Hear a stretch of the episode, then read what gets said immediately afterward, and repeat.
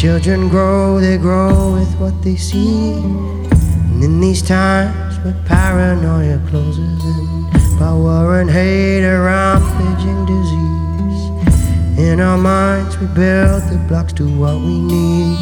In our minds, we're reaching out for peace. In our hearts, we know of such the hills to climb. In our hearts, a sense of master feet. Shame, shame these games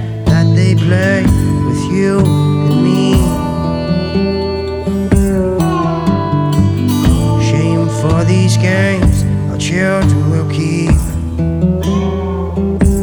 Shame these games that they play with you and me. Shame these games that they play our children will keep.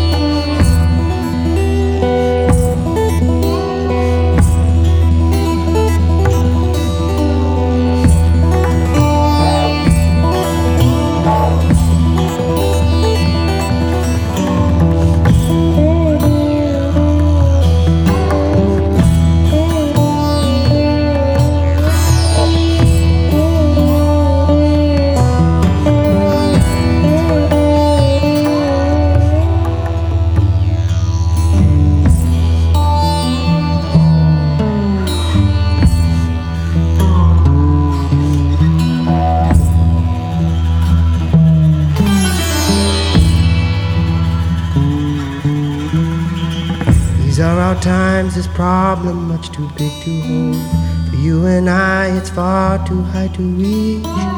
We can begin by holding close the things we know and valuing our pockets of peace. These are the earth, the sun, the moon, the sea, the sky.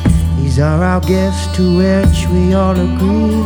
And through these things and those we love, we can unite sink into our pockets of peace.